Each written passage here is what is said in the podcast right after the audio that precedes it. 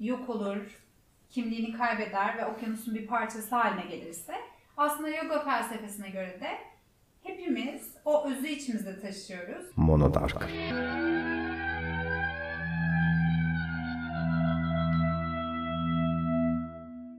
Başka bir Şubat akşamındayız. 15 Şubat'ta bugün Monodark'ta sizlerle yeniden birlikteyiz. Önceki programlarımızda ağırlıkla kitap serileriyle devam ettik. Bu gece Monodark'ta özel bir konuğumuz var. Öncesinde programımıza Radiohead ile başlıyoruz. Exit Music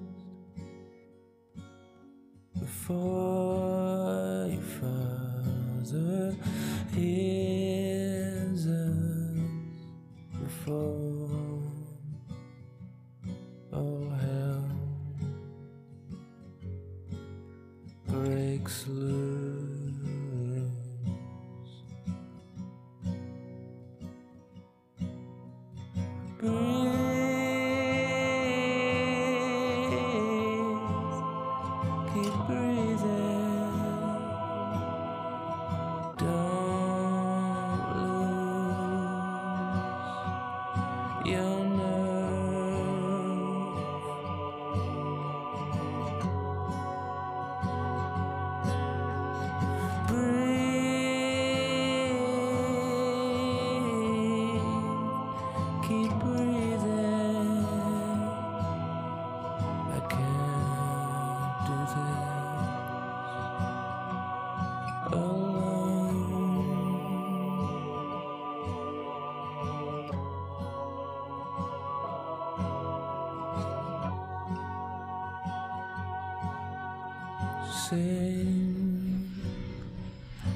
Us a song, a song to keep us warm. There's such a chill, such a chill.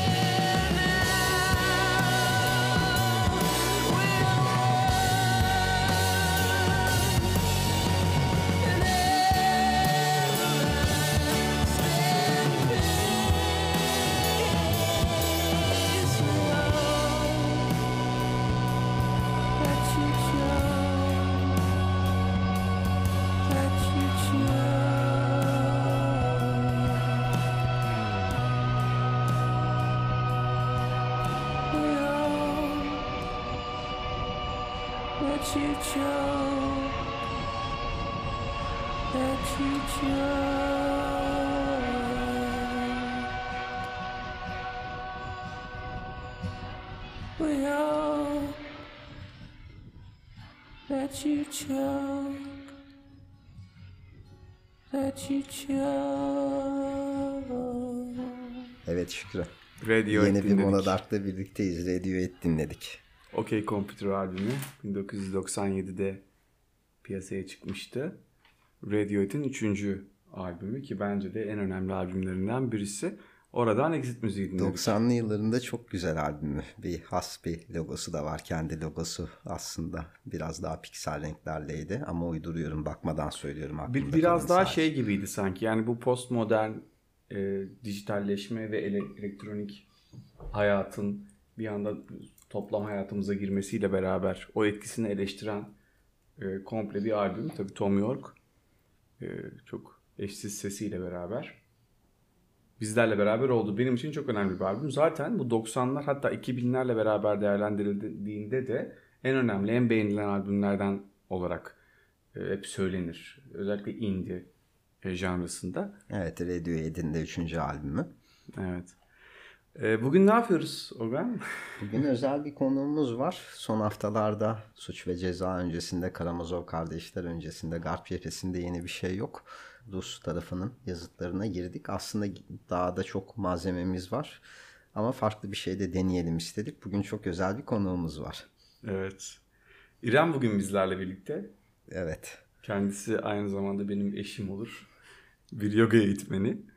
E, bugün biraz yogayı, felsefesini, Neler kattığını, e, modern hayata etkisi e, falan konuşacağız. Tabii İrem'in de kendi hayatına da gireceğiz. Hem yogayla hem e, etkilendiği eserler, işte diğer felsefi metinler veya diğer disiplinlerden konuşma şansını elde edeceğiz. Ben de aklıma gelen bu konularla ilgili sorabileceğim aslında bir batarya soru var kafamda. Harika. Ama programlarda birbirimizi zor durumda bırakan sorular var ya.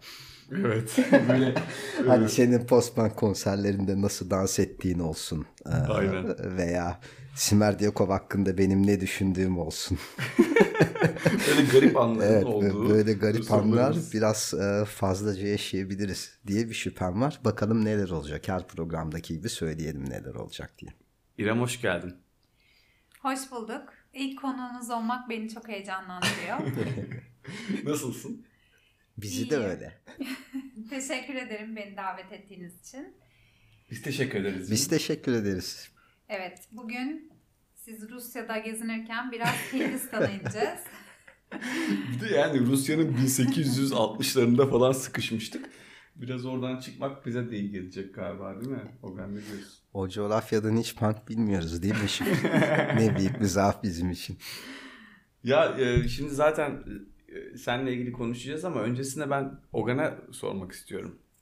Ondan sonra yavaş yavaş mikrofonu sana da devrederiz. Ogan ne diyorsun ya bu yoga işlerine? Yani Yani benim denediğim bir şey ve çok çok hoş bir şey.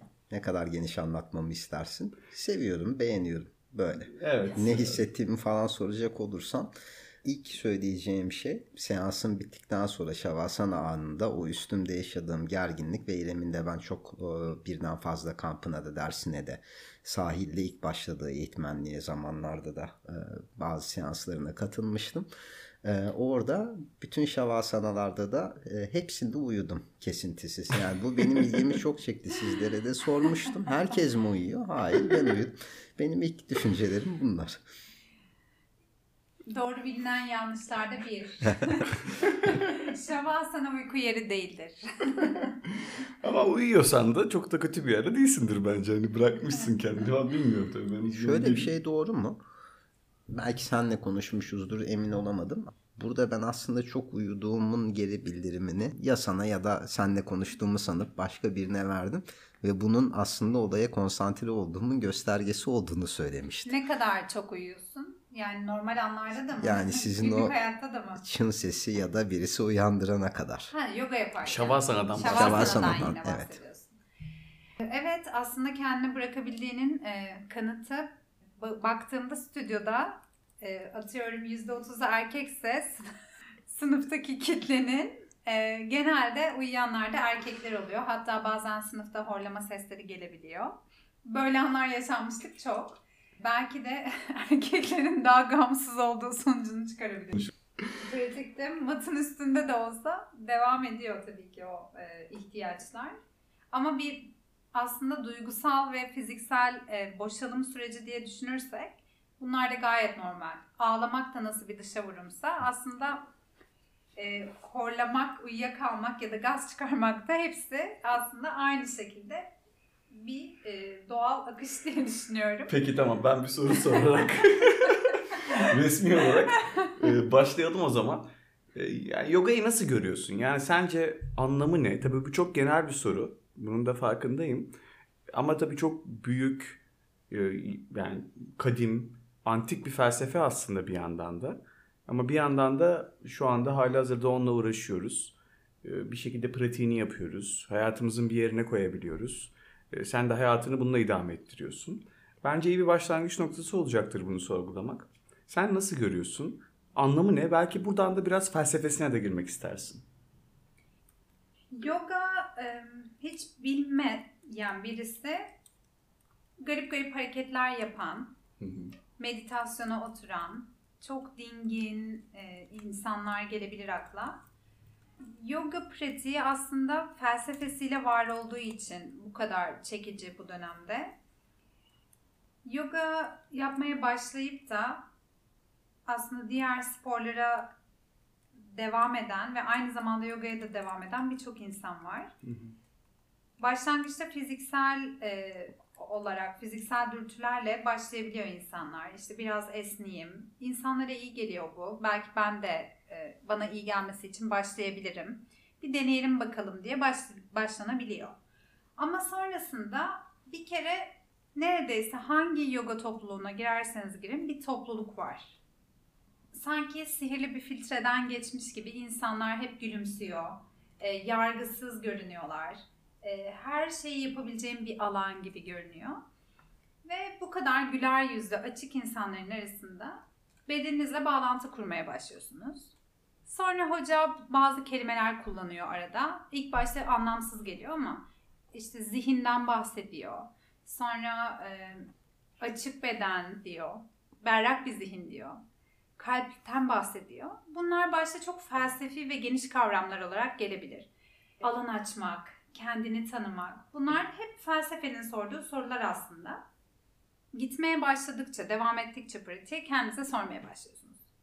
Bir dakika ya burada beni tutan şey ne? O senin Ogan bahsettiğin şavasanındaki rahatlık ne? Ben neden kendimi bu kadar iyi hissediyorum? Ya da nefesle bağlantı kurduğunda evet ya ben günde kaç bin kere nefes alıyorum ama aslında nefes böyle bir şeymiş. Beşe kadar sayıp nefesi alamıyorum, dolduramıyorum diye fark ediyorsun. Hı hı. Kontrolümde değil, bana çok yakın olan bu nefes. Hı. Ve sonra onu düzenlemeye başlıyorsun. Ve daha kendinle önce fiziksel ve nefes düzeyine bağlantı kurmaya başlıyorsun. Ama aslında yoga felsefi olarak kendinle buluşma hali. Gerçekten kendini tanımak için büyük bir araç. Ama tabii şimdi derin felsefesine gireriz isterseniz. Bu çok çok genel bir tanım oldu şu anda. Yani aslında böyle fiziksel pratiği, nefes pratiği ve bir yandan da aslında kendine baş başa kalma. Bunun da altyapısında, alt metnindeki o derin, kadim felsefi birikimiyle beraber bir şeyden bahsediyorsun anladığım kadarıyla. Evet. Ve bunu sen yoga olarak tanımlıyorsun. Peki burada şeyi merak ediyoruz. Yani nasıl doğmuş? Belki felsefi altyapısından da bize bahsetmek istersin. Tabii yoganın e, kelime anlamından başlayalım. Kelime anlamı birlik demek. Aslında özetini de bize veriyor. Birçok birlikten bahsedebiliriz. En temelde bizim şu an yaptığımız pratikte beden, zihin ve kalp birlikteliği.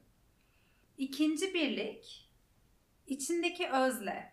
Yani bunu hep şöyle benzetilir bu. Bir damla okyanusa düştüğünde nasıl artık o damla yok olur, kimliğini kaybeder ve okyanusun bir parçası haline gelirse aslında yoga felsefesine göre de hepimiz o özü içimizde taşıyoruz ve hepimiz kırıldığımızda, kaplarımız kırıldığında evrensel özle bütünleşeceğiz. Yani hepimiz e, o suyuz. Sadece belli formlarda, belli kaplarda taşıyoruz o e, suyu. E, bunu ama tabii dogmatik dinlerdeki ruh gibi düşünmemek lazım daha çok bilimsel olarak da açıklanabilen bir tarafı da var. Varlık nasıl var oldu? Bu çok büyük bir soru. Yani hiçbir şey yokken ortada bir şey nasıl var olabildi? Değil mi? Bunu şu anda bilim bilemiyor, söyleyemiyor bize. Bir bilinç var. Toplu, evrensel bir bilinç. Ve buna bir patlamayla olabilir ya da bir yaratıcı güçle olabilir. Bir şekilde çokluk oluştu. Yani teklikten çokluk oluşmaya başladı ve evren oluştu. Biz de o evrenin parçasıyız. Ee, biraz kuantuma falan da girdin.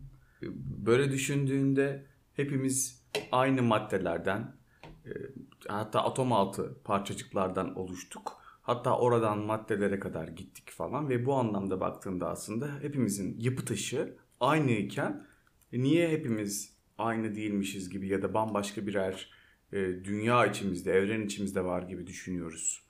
E, bu anlamda baktığında aslında hepimiz biriz. Hepimiz bir, bir, bir, bir şeyin, bir parçanın parçasıyız diyor Bir anladığım kadarıyla. Bir bütünün parçasıyız diyor sanki. Öyle anladım anlattıklarından.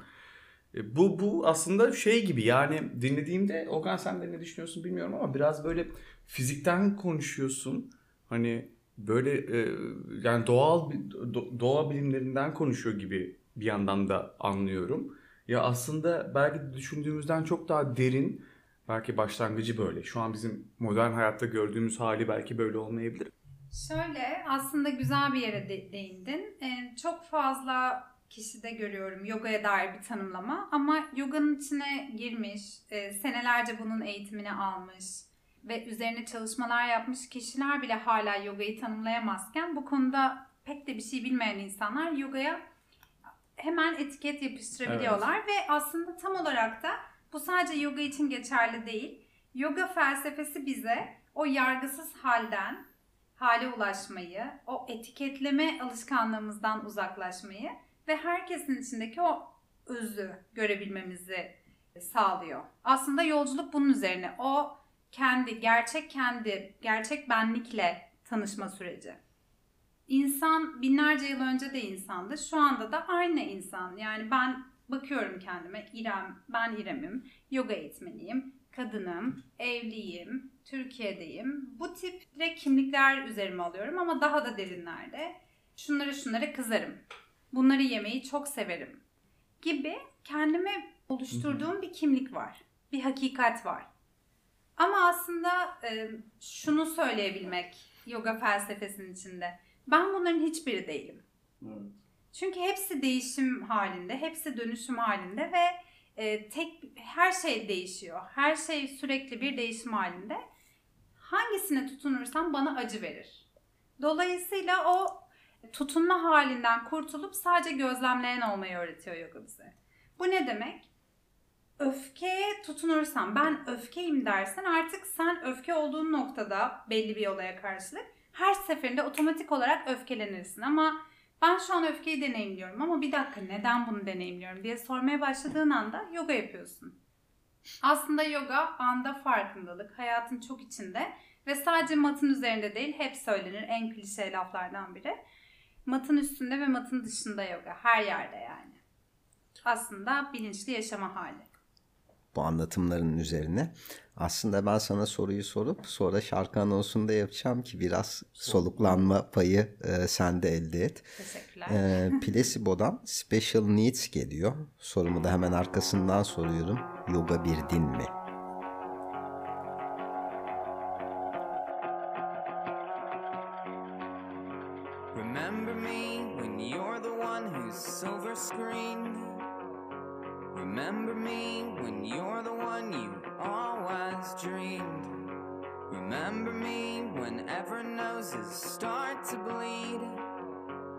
Remember me, special needs.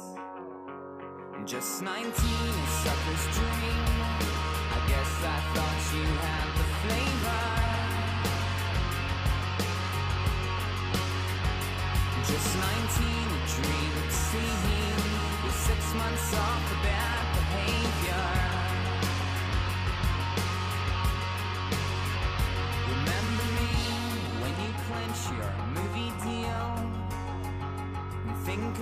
stuck in my chair that has four wheels. Remember me through flash photography and screams. Remember me, special dreams. Just 19, a sucker's dream. I guess I thought you had the flavor. Just 19, a dream months off.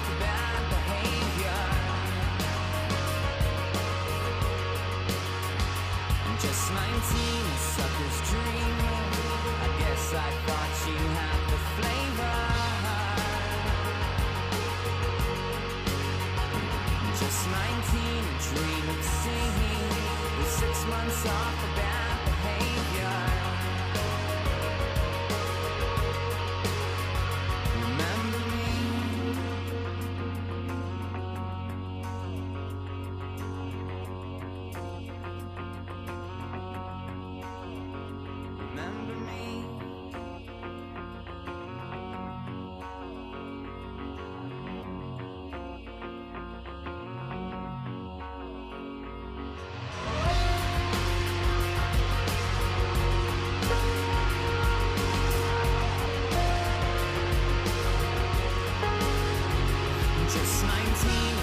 dream.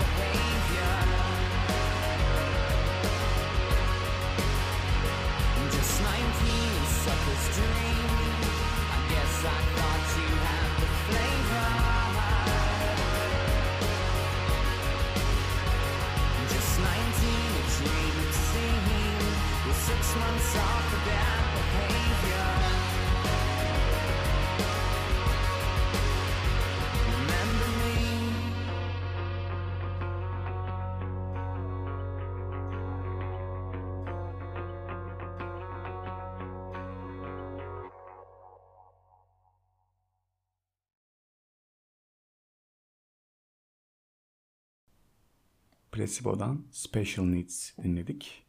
Sleeping with Ghosts albümünden de 5. albümü. Placebo 1994 çıkışlı bir grup Londra çıkışlı. Ama sanki hep bizimle beraber gibi yani epey de olmuş aslında kurulalı ama 2010'larda, 2000'lerde, 2020'lerde de hala hep bizlerle gibi. En son Ogan senin güzel bir sorun vardı. Yoga bir din mi? Evet. Burada kalmıştık değil mi? Ne diyorsun? Bu soruya geçmeden önce çünkü dalacağız şimdi derinliklerine. E, yogaya dair somut, somut bir örnek daha vermek istiyorum.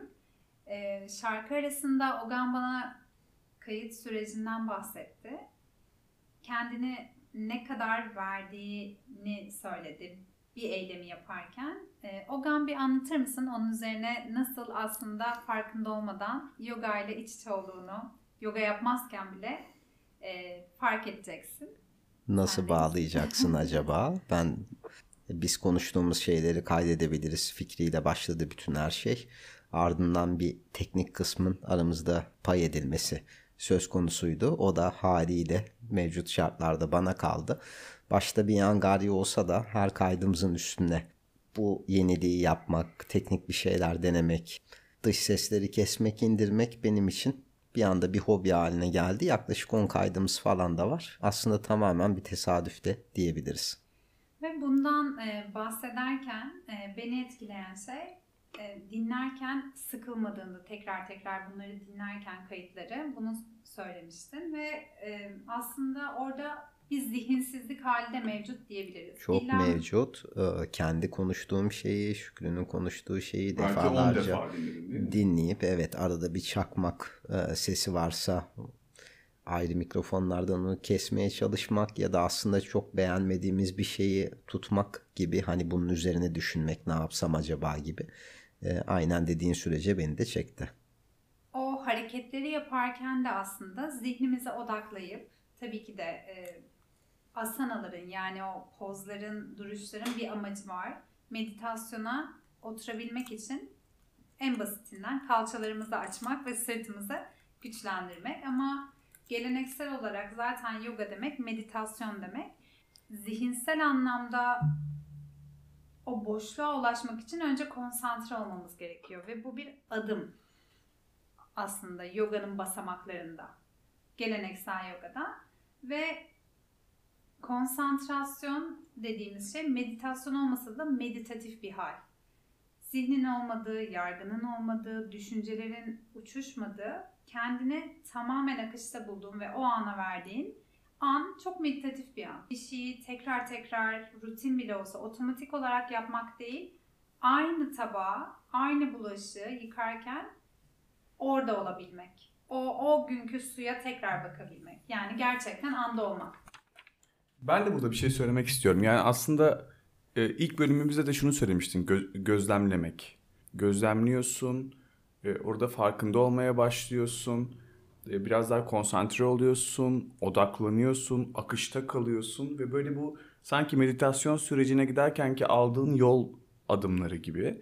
Ve en nihayetinde de belki meditasyona ulaşıyorsun. Ve bütün bunları söylerken de aslında yoga çok hayatın içinde gibi. Meditasyona oturmak belki gerekiyor ama illa hayatımızın içinde olduğu şey her an, her yerde, her şey yapıyorken de bizimle beraber olabilir diye anlıyorum. Buradan da belki ilk sorumuza dönebiliriz. Yoga din mi? Ve bu dediğim, anlattığım analojiyle ne kadar aslında alakalı? Yani hayatımızın her an, her içinde, yani her şeyde içinde olmasıyla. O zaman evet biraz geçmişe dönmemiz gerekiyor. Ee, bayağı bir geçmişe. Geçmiş. E, milattan önce 2000-3000'lerden bahsediyoruz. Yani bugünden 5000 yıl önceye gitmemiz gerekiyor. Ee, Hindistan ve Pakistan sınırları gibi orada bir uygarlık vardı o dönemlerde. Indus Vadisi uygarlığı. Ve ilk e, yoga buluntuları o bölgeden çıkmış. Tabletler bulunmuş, gidebildiğimiz kadar geçmişte. E, ve meditasyonda oturan insan tabletleri bulunmuş. Dolayısıyla o dönemde de insanların meditasyon yaptığını anlıyoruz. Hint kültüründe o dönemde rişiler denilen bilge insanlar varmış. O insanlar gören bilgeler meditasyona oturup içgörülerini halka aktaran kişiler. Ve bu e, bilgi kuşaktan kuşağa, nesilden nesile sözle aktarılarak geçmiş. Yoga bir din mi sorusuna önce hemen cevap vereyim. Değil. Net bir cevap. Hinduizm bir din, Budizm bir din denilebilir. İkisinde de yoga var. Yoga bir araç. Yoga gerçek ben- benliğe ulaşmak için araç. Müslüman da olsan, Hristiyan da olsan, Hindu da olsan, Bambaşka Neydi? bir şey. Pastafaryanlar, e, makarnaya makarnaya tapanlar. Pastafaryan da olsan yoga yapabilirsin ve yoga senin için bir araç olabilir. Vedalara dayanıyor e, ilk o kültür. Vedalar bu rişilerin, az önce bahsettiğim ermişlerin, bilgelerin içgörülerini yazdıkları, aktardıkları metinler. Ama tabii onlar yazmıyor. Onları aktarıyor. Sonradan yazıya geçiriliyor bunlar. Ee, o dönemde tabii kurban kesmeler varmış, e, ritüeller varmış ve bu mantra olarak bu rişilerin, bilgelerin içgörüleri söylenirmiş. Şöyle cümleler var. O zaman yoga falan geçmiyor Vedalarda. Kim olduğumuza dair sorular var.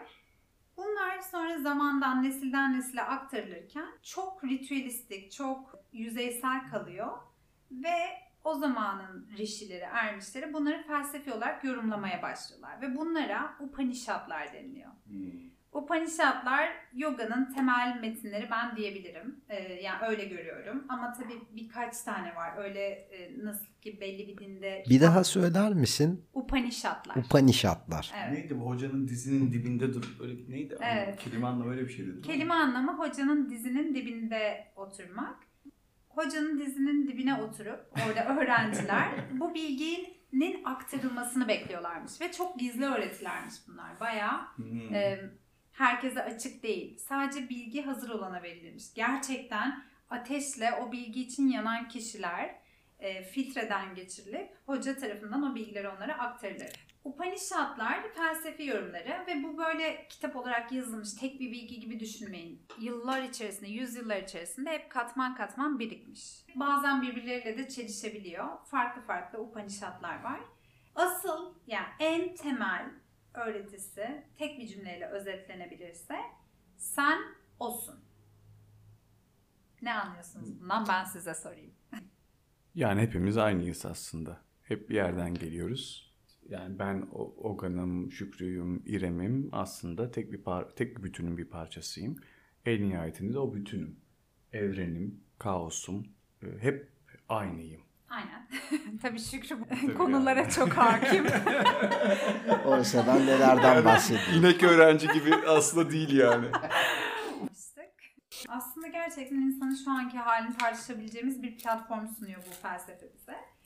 Upanishadlara dönersek evet sen olsun e, yani sen evrensel özle aynı şeysin. Her şey çok geçici ve bu geçiciliğin içinde gerçek olan ne? Bunu bir belirle ve buna göre yaşa. Upanishadlarda yogadan bahsediyor. Tekniklere girmeye başlıyoruz. Nefes, e, meditasyon artık iyice giriyor ama tabii bugünün bilinen asanaları, duruşları o zaman hiç yok. Sadece meditasyon, nefes e, ve felsefesi ortaya konuluyor.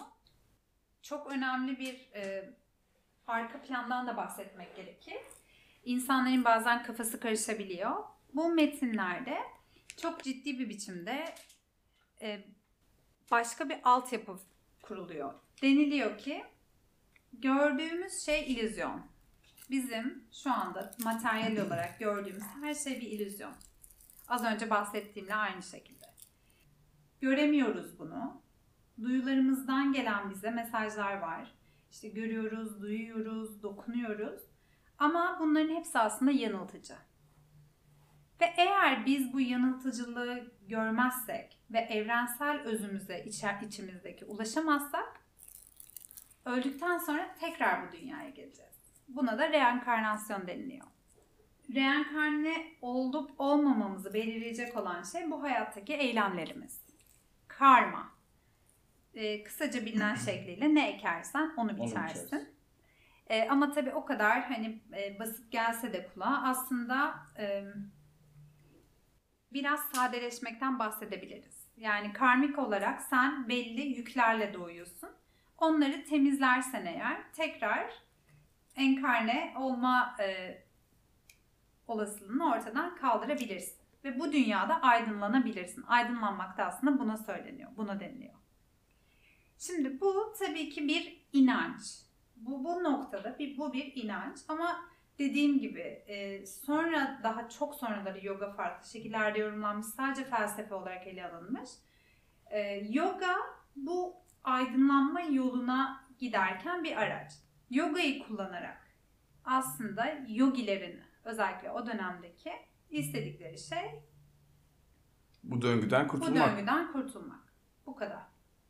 Yoga da bu yolda bir araç. Reenkörne olup tekrardan dünyaya gelmek, bu dünyanın acılarını yaşamak. Bunlardan kurtulmak için de e, bir noktada bir yere gelmek lazım. Bunu da yoga ile yapabiliyoruz gibi anladım. Portishead dinleyelim. Glory Box.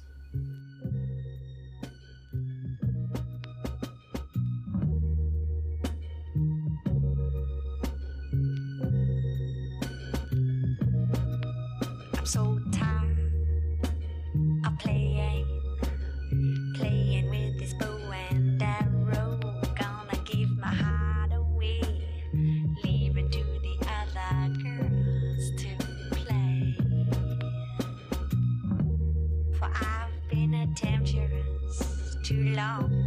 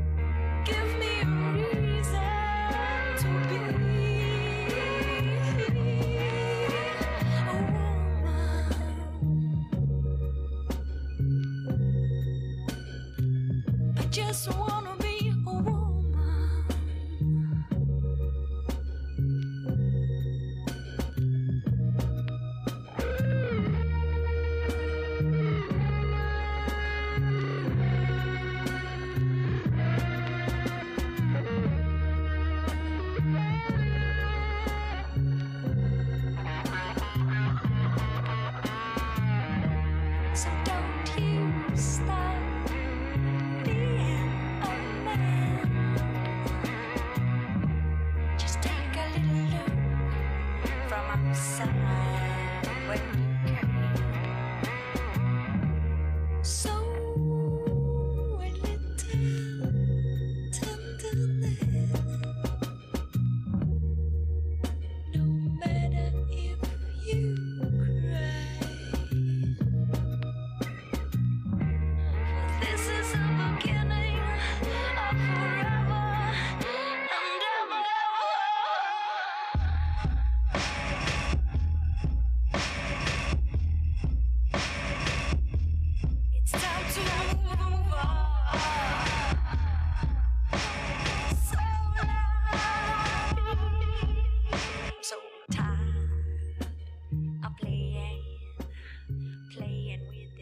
Portishead'den dinledik. Ee, İngiltere Bristol'dan 1991 yılında 5 kişilik bir grup Portishead. Geoff Barrow, Beth Gibbons ve Adrian Utley grubun kurucuları.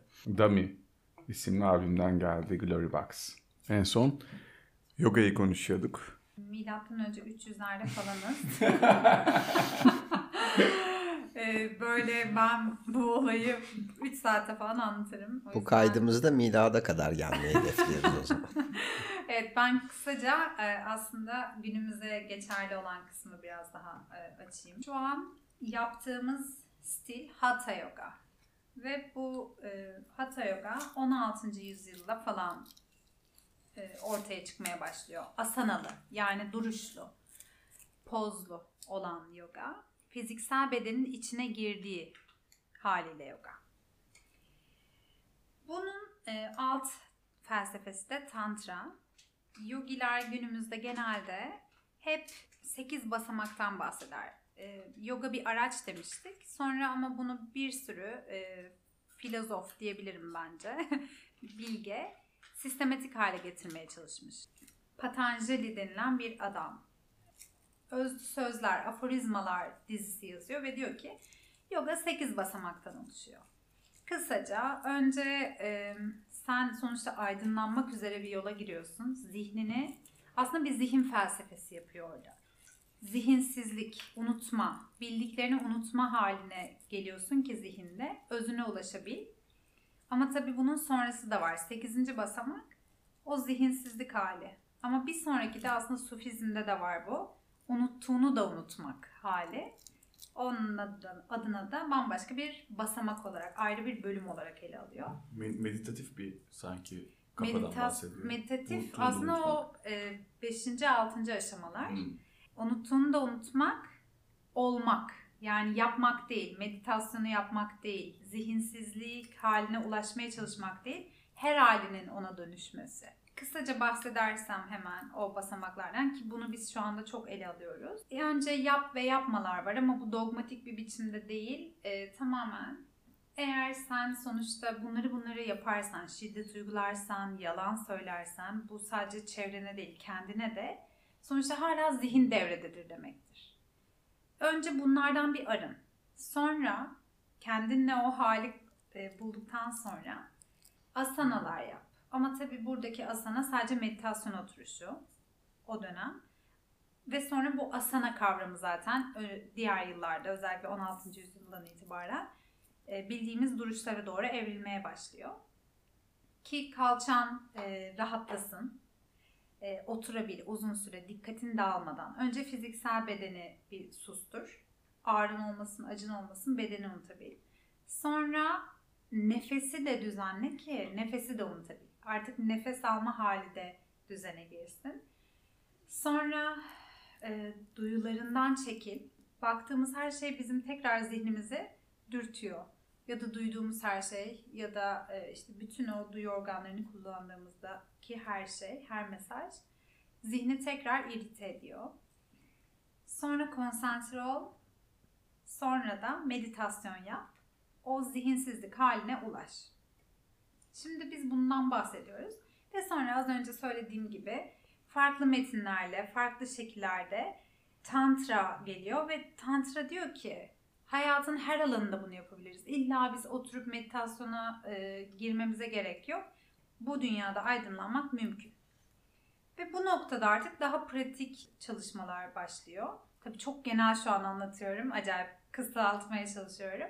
E, artık o noktada yavaş yavaş pozlarda e, bazı metinlerde 16 poz var ki e, dediğim gibi az önce meditasyon oturuşunda rahat kalabilelim diye ki sağlıklı beden sağlıklı zihin de demektir gerçekten. Asanaları, bu asanalardan Hı bahsediyorsun. hı, duruşlardan.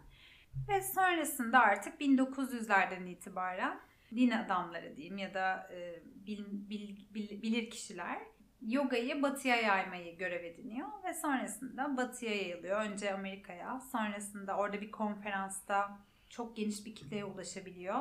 Ama tabii çok basit anlatılıyor yoga. Tamamen zaten dinden uzak ve bu hale aktarılıyor. Yoga'nın insanlara genel olarak ne fayda sağlayabileceği anlatılıyor. Sonra Amerika'da bu bir akım haline geliyor. Özellikle tabii 50'lerde 60'larda Beatles e, ilgilenmeye başlıyor. 60'larda hippie kültürünün oluşmaya başladığı zamanlarda. Çiçek çocuklar var hatta San Francisco'da. Tüm e, bu kişilerin arasında beat kültürü var. E, işte şiirler yazılıyor, meditasyona ilgi başlıyor. Beatles dediğim gibi Hindistan'a gidiyor. E, orada meditasyon yapıyorlar. Transandantal, transandantal meditasyon. Ve böyle acayip bir yayılma hali oluyor yoga ve meditasyona dair. Tabii Amerika'da Madonna'dan tutun da Sting'e kadar hep resimlerini görmüşsünüzdür. Onlar da yogaya merak sarıyorlar. Böylece batılılaşmaya başlıyor yoga. Tabii ki de batılılaşan her şeyde olduğu gibi biraz e, daha çerçeveleniyor, daha e, pratik hale getiriliyor, daha kompakt hale getiriliyor. Daha batılı zihne uygun hale getiriliyor. Türkiye'de de aslında bir 10 senedir falan çok yaygın. 10-15 sene. Oldukça popüler hale geldi. Çünkü ihtiyacımız çok fazla, ihtiyaç arttı. İnsanlara iyi geliyor. Bu yüzden oldu. Ya evet peki şeyi ben merak ediyorum. Yani bu kadar kadim bir e, altyapısı olan, tarihi olan bir dinamiğin, yaklaşımın modern hayattaki yansıması nasıl oluyor acaba? Yani şu anda nelere cevap veriyor? Ne gibi e, sorunlara bir e, reaktif bakış açısından bir cevabı var yoganın? Onu merak ediyorum. Şu an çünkü özellikle mesela sosyal medyada falan düşündüğümüzde aslında hani çok daha fazla asana odaklı paylaşımlarla beraber insanları görüyoruz. Ve bu bir yandan da yoga ile tanışma anlamında veya yogayı anlatma anlamında bir başlangıç noktası olarak insanları motive etmek, ilham vermek için bence çok güzel bir kanal da olabilir. Günümüzdeki hayatta yoganın yeri ve cevapladığı şeyleri anlamak anlamında nereye dokunuyor acaba? Öncelikle e, sosyal medya soruna cevap vereyim. Ne olursa olsun eğilimimiz, önce arkasındaki niyete bakmak önemli diye düşünüyorum burada. Beğeni almak için, e, görülmek için. Ama bu çıkış nereden kaynaklanıyor? Hangi dürtüyle kaynaklanıyor? İlham vermek mi? Yaptığını paylaşmak mı? O işi yaptığını göstermek mi? Beğenilmek mi? Onay almak mı? Sevilmek mi? Nedir? Öncelikle bunu görmek lazım. Kişi çok farkında olarak evet ben beğenilmek istiyorum deyip de paylaşabilir. Ee, ama tabii ki orada ego devreye giriyor. Ve e, zihinsizlik dediğimiz şeyin çok büyük bir parçası da az önceden beri bahsettiğimiz egoyu elimine etmek. Çünkü ego zaten bizim e, zihnimizi e, zihnimizle birlikte yürüyen bir kavram. Sonuçta kimliklerimize o kadar tutunuyoruz ki o kimlikleri sürekli sürdürme çabasındayız. Yani yoga yaparken bile amacımız aslında o egodan sıyrılmakken tam tersi onu acayip perçinleyen bir e, özellik de kazanabilir. O zaman kişinin niyetine bakmalı orada yani. Neden yapıyorsun? Neden paylaşıyorsun? Böyle yani yargılamadan önce o kişinin niyetini bilmediğimizi düşünebiliriz ve kişi kendine bakmalı o noktada. Ama modern dünyada şimdi şöyle ben tabii görece çok daha yeni bir e, eğitmenim. E, bu işi 20-30 senedir yapan insanların bazı yorumlarını okuyorum. Diyorlar ki yoga e, en klasik haldeyken bile birçok değişime girmiş. Yani yüzlerce yıl boyunca yoga değişmiş. Hep değişmiş, hep çağına uyum sağlamış. Ve her zaman her değişimde bir tepkiyle karşılanır. Değil mi? Siyasi bir sistem değişince de mutlaka ona tepki gösterenler vardır. Şu anda da e, öyle. Mesela dediğim gibi daha deneyimli yoga hocaları şu anki değişime olumsuz bakmalarına rağmen hep mesafeli yaklaşıyorlar yorum yapmaya. Dolayısıyla bir bildikleri vardır diye düşünüyorum. Yorum yapmadan önce günümüzün koşullarının ne olduğunu görmemiz gerekir. Ve yoganın bu ihtiyaca nasıl karşılık verdiğini görmemiz gerekir. Şu anki durumda zihnimiz çok fazla mesaja maruz kalıyor.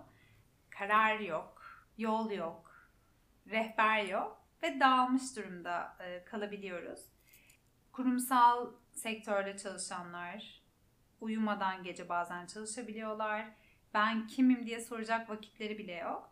Dolayısıyla yani kendilerini keşfetmeyi bırakın en yakın çevrelerine bile zaman ayıramıyorlar. Dolayısıyla bu noktada bir nefes alanı yoga. Bir dakika ya ben buradayım gerçekten denildiği bir alan orası. Yani oturduğun anda mata artık bir saat erteliyorsun kafandaki her şeyi. Ve e, bu bir ihtiyaç. 500 yıl önce de ihtiyaçtı.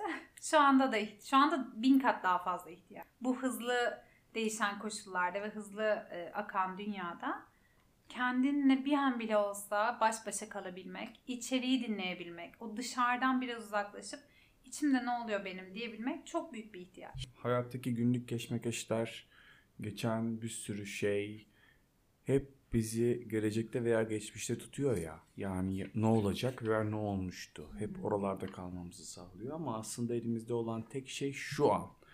Geçmiş gittiği hiçbir şekilde ona müdahale edemeyiz. Geleceği ise bilmiyoruz tam bir belirsizlik. O yüzden elimizde hakikaten gerçek anlamda var olduğunu bildiğimiz tek an bu an. Dolayısıyla bence yoga da aslında bunu görmemizi sağlayan, vesile eden bir araç olabilir. Bu anlamda anlattıklarınla da ben böyle de bağdaşlaştırıyorum. O yüzden çok da kıymetli olabilir. Ne dinliyoruz Şükrü? Anonsumuzu sen yapabilirsin. Blondie Redhead dinleyelim o zaman. Hated because of great qualities Şaraz. Secret, so sorry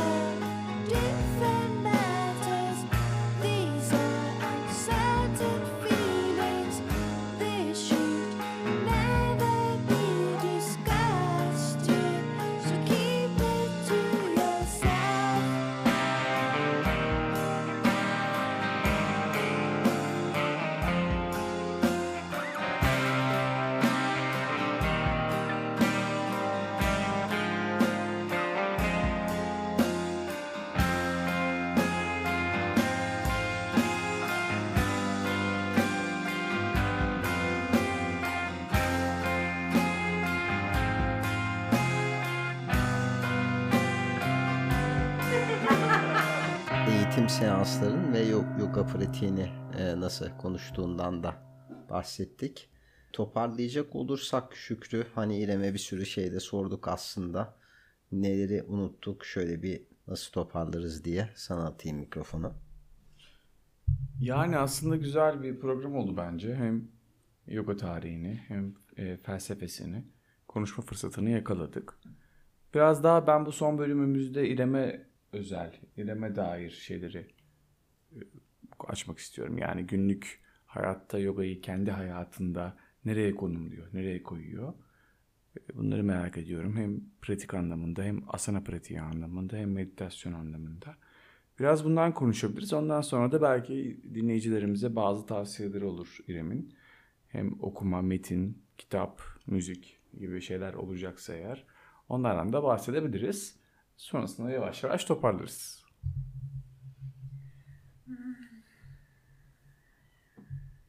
Şu an özellikle pandemi döneminde e, yoğun bir program var.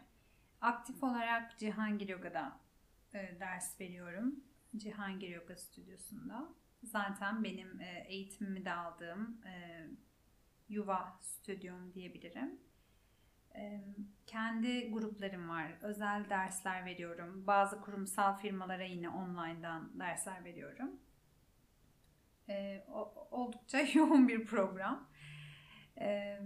Ve kendim de pratiğimi sürdürmeye çalışıyorum. O yüzden genelde sabah erken kalkıp kalkar kalkmaz ve aç karnına pratiğimi yapmayı e, yapmaya özen gösteriyorum. Kaçta Her- kalkıyorsun sabahları? Erken dediğime bakmayın. 9. benim için erken bir saat. Bazen ama daha Yok tabii. e, haftanın 3 günü e, yedi buçukta falan kalkıyorum şu anda. Ama e, ders vereceğim için kalkıyorum. Normal benim e, İrem saatim, sabah kalkma saatim 9 bence. E, ama yani sabah kalkar kalkmaz e, kahvemi içip e, pratik yapıyorum. Sonrasında e, günümün o gün ne varsa planında onları yapıyorum. Yani seni kalkıp yoga matına iten ana motivasyon ne peki? Yani özel bir asana pratiğini, özel bir asanayı yapma hedefindeki o yolculuk mu? Yoksa daha genel başka bir şey mi? Kendimle buluşmak en temel hedefi. Çünkü asana pratiğimde de eğer bir poz hedefimde olsa bile o o günkü ya da o dönemki, o anki İrem'in eee, peşinden gittiği bir şey. Her pratik ettiğimde de ben tekrar tekrar kendime bunu soruyorum. Neden buradasın? Bugün neye ihtiyacın var? Neden yapıyorsun bunu? Ve eğer hedefimde olsa bile o gün içimden gelmiyorsa onu yapmıyorum ama eee, o güne özel ne içimden geliyorsa onu yapıyorum. Bazı zamanlar bedenim o kadar kapalı hissediyor ki sadece tek bir eee, yin hareketinde kalıp sonra e, meditasyonda kalabiliyorum. Eee, Şimdi buradan da duyurmuş da olayım. Pazar sabahları e, ücretsiz meditasyon grubu açtım. E, isteyen herkes yarım saatlik bir meditasyona katılabiliyor 9-9.30 arası. Instagram hesabından da bakabilirler. İrem Güneş Yoga. E, onun dışında neler yapıyorum? E, çok güzel bir mahallede yaşıyoruz. İşimde yürüyerek 5 dakika bu arada. Cihangir Yoga. Burada çevrede yani 5 dakikalık yürüme mesafesinde farklı farklı arkadaşlarım var. Bazen sahilde yürüyüşe gidiyorum onlarla. Bazen e, hatta bolca araştırma yapıyorum. Yani aslında e, pratik yapmadığım ve ders vermediğim zamanlarda da ya anatomiyle ilgili ya felsefeyle ilgili ya e, o günkü merakımla ilgili bir konuda araştırma yapabiliyorum çoğu zaman. Ee, Şükrü'yü darlıyorum falan. Peki yeni başlayacaklara e, bir tavsiye sorusu olarak sormayacağım bunu da birçok insanın hani baktığı kendine hadi bunu denemek istiyorum yapıyorum ama kimilerini yaparken kimilerini de yapamazsın. Bunlarda bu noktada denemeyenler için e, onlara önereceğin bir şey var mı ya da düşüncen onlarla ortak kes- kesişen onlara bir mesajın diyeyim kısaca. Doğru hocayı bulamamışsınız. Bu ben benim anlamında söylemiyorum. Hiç beni sevmiyor da olabilir ama mutlaka o kişiye uygun hoca vardır. Şöyle örnek verebilirim buna da. Şükrü e, çok uzun süre yani ben ders veriyorum. Evde grup dersleri veriyordum ve katılmadı o pratiklere uzun bir süre boyunca. Çünkü doğru hoca sen değildin. Aynen öyle. Tam olarak e, bundan bahsediyorum. Ama sonra o da farklı farklı hocaların e, derslerine girdi. Sonra benim de derslerime girdi. Sağ olsun. Çok fazla seçenek var. E, tabii ki de herkes yoga yapmak zorunda değil. Yani böyle bir zorunluluk yok. Ama yoga şöyle bir şey sunuyor. Sadece onu söyleyebilirim. Bedeninizi hiç ummadığınız şekillerde zorla, zorlamak istiyorsanız, fiziksel bir görüntünün ötesinde sadece içsel olarak da tabii ki fiziksel güçlenmenin yanında içsel olarak da güçlenmek, daha dayanıklı kalmak istiyorsanız, harika bir topluluğa katılmak istiyorsanız e, yoga yapın. Hayatınız boyunca kullanabileceğiniz bir e, altın bilezik kendisi. Çünkü her an her yerde kullanılabilir nitelikte bir program sunuluyor size. Kalbin mi atıyor? Öfkeli misin? Bir dakika. Direkt rehber sana. Ya da e, heyecanlanıyor musun? İş görüşmesine mi gidiyorsun? Rehber sana. Nefesini kullanmayı öğretiyor. E, zihninde ne olduğunu öğretiyor. 80 yaşındayken ayakkabını mı bağlamak istiyorsun? Sana esnekliği sunuyor. Dolayısıyla sana sunduğu seçenekler çok fazla. Bir denemeni öneririm. Evet, kapanış kısmına gelirken e, şunları da soralım. Aslında biz hep e, son kayıtlarımızda Rus klasiklerinin kayıtlarını yaptık. Bugün yoga konuştuğumuza çok çok memnun olduk. E, yazan içerikler, kitaplar veya kaynaklar aklında varsa onu da söylemeni isteyebilirim. Çok özet niteliğinde hem de roman e, gibi olduğu için e, bir hocanın eğitiminin günlüğü e, Mavi Orman, Defne Suma'nın o çok güzel bir başlangıç. Hem kişinin hayatını okurken bir yandan da yogayı nasıl hayatına entegre ettiğini ve yoga felsefesinin en öz hayattaki haliyle e, anlatıldığı bir kitap. Onun dışında e, Light on Life, e, tabii Türkçesini bilmiyorum onun şu an ama Iyengar'ın Light on Life kitabı, Türkçesi de var bu arada. E, onu okumalarını öneririm. Şükrü Mavi Orman'ı okudun mu? ya okuyacak o kadar çok şey var ki. Yani umarım bir gün fırsat olur. Evet. Başka em, Upanishadlardan belki. Upanishadlar e, okuması o kadar kolay değil. Ben de bir e, Bora Ercan'la okudum. Bir e, yoga eğitimini az önce bahsetmiştim. E, o çok hakim. Aynı zamanda felsefe yüksek lisansı yapmış ve Hindistan çok uzun süreler bulunduğu için Upanishadları onunla okudum. Onu okumasam anlamam çok çok zordu yani. Çok sembolik ifadeler var. Biraz şey söyleyeceğim. Yoga ile ilgili olmasa da bence yogayı e, anlatan, e, yogik düşünceyi ya da yaşayışı anlatan kitaplardan biri Martin Eden. Orada Hmm. evet yazar olma sürecini anlatıyor e, bir karakterin.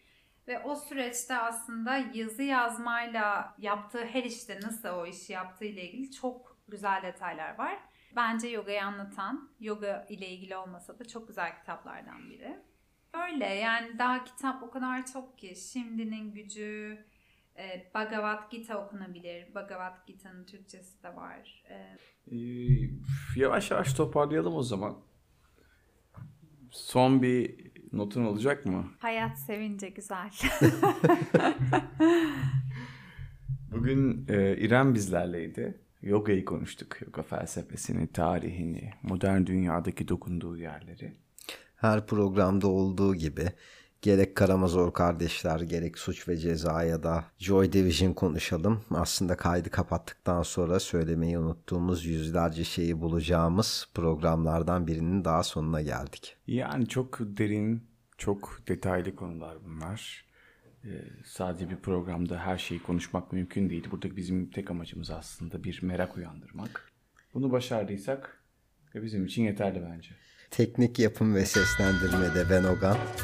Kurgu ve içerikte ben Şükrü. Nick Cave and the Bad Seeds'ten gelsin. Red Right Hand. Take a little walk to the edge of town and go across the track where the viaduct looms like a bird of doom as it ships and cracks. Where secrets lie in the border fires and the humming wires. Yeah, man, you know you're never coming back. Past the square, past the bridge, past the mills, past the stacks.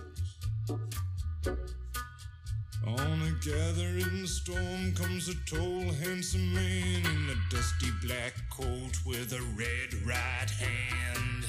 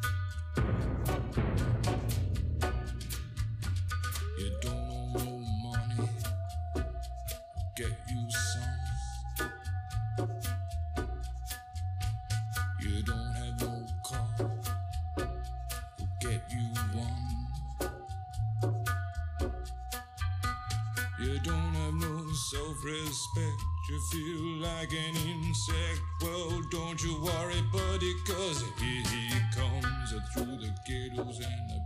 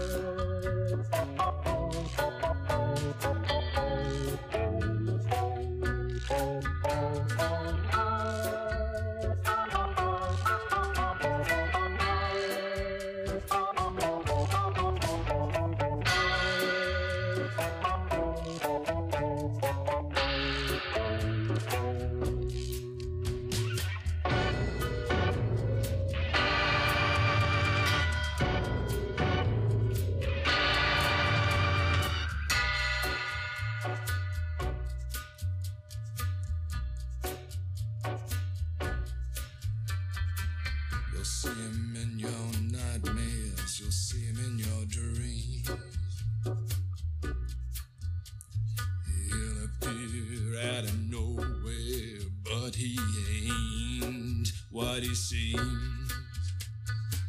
You'll see him in your head on the TV screen. Hey, buddy, I'm warning you to turn it off. He's a ghost, he's a god, he's a man, he's a guru. You're one microscopic cog in his catastrophic plan, designed